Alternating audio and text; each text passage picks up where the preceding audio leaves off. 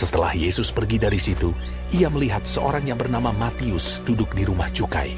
Lalu ia berkata kepadanya, Ikutlah aku. Maka berdirilah Matius, lalu mengikut dia.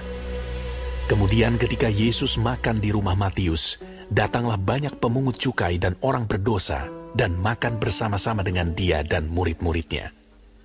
Pada waktu orang Farisi melihat hal itu, berkatalah mereka kepada murid-murid Yesus, Mengapa guru mau makan bersama-sama dengan pemungut cukai dan orang berdosa?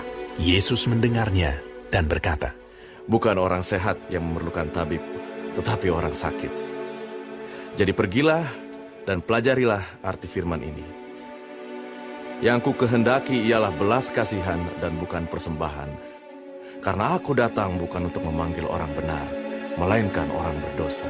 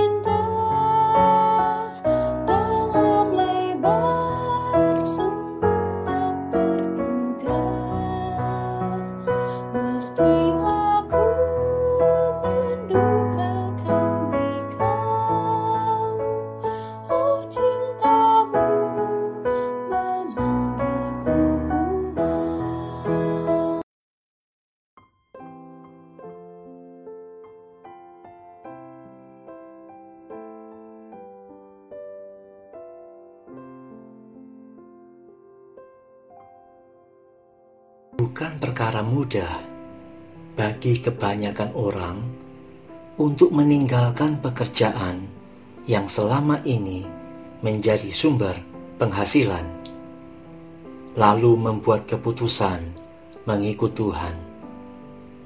Matius tentu tahu risiko yang harus ditanggung sebelum membuat pilihan yang sangat berdampak bagi kehidupannya. Namun, ternyata tidak ada keraguan sedikit pun dalam diri Matius. Ketika Yesus berkata kepadanya, "Ikutlah Aku," ia pun langsung mengikut Dia. Setelah mengalami perjumpaan pribadi dengan Tuhan, perubahan besar terjadi dalam dirinya ia mengalami kehidupan yang baru. Jadi, siapa yang ada di dalam Kristus, ia adalah ciptaan baru. Yang lama sudah berlalu, sesungguhnya yang baru sudah datang. Matius dulunya hidup hanya untuk kumpulkan harta. Kini, ia hidup untuk Tuhan. Ia yang biasanya menggunakan pena untuk menulis sejumlah pemasukan yang ia dapatkan dari pemungut pajak. Kini, penanya Tuhan pakai untuk menulis salah satu dari empat Injil. Tak seorang pun akan menduganya seorang pemungut cukai yang punya reputasi buruk di mata masyarakat. Dianggap kejam, kikir, dan berdosa. Akhirnya dipanggil Tuhan, dipulihkan Tuhan, menjadi seorang penulis Injil yang dibaca umat manusia di sepanjang sejarah. Saudaraku, Sesungguhnya tidak ada perkara yang mustahil bagi Tuhan. Seburuk apa pun masa lalu seseorang, kasih Tuhan sanggup memulihkannya. Tangan Tuhan terbuka menyambut dan menerimanya. Matius mendapat kasih dan anugerah yang berlimpah dari Tuhan, yang nilainya tak bisa dibeli dengan harta sebanyak apa pun juga.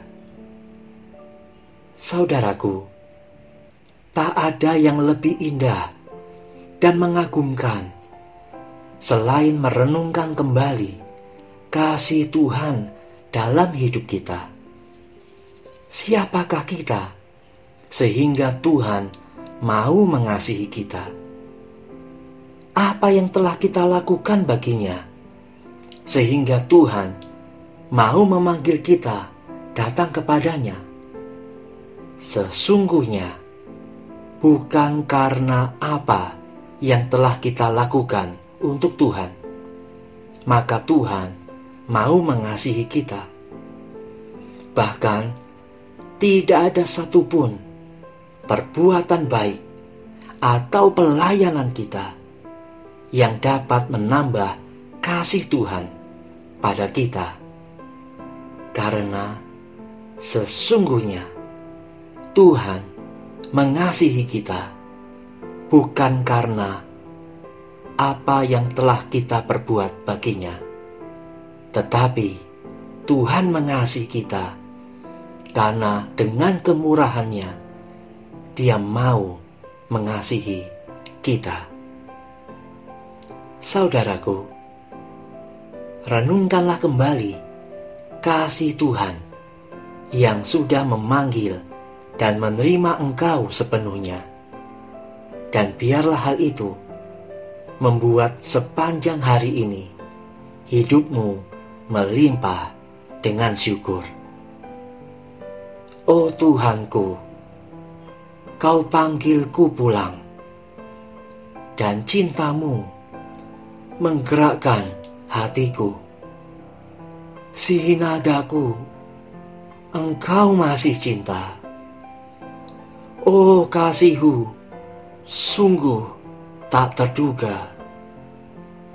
Oh kasihku, ajaib indah. Dalam lebar, sungguh tak terduga.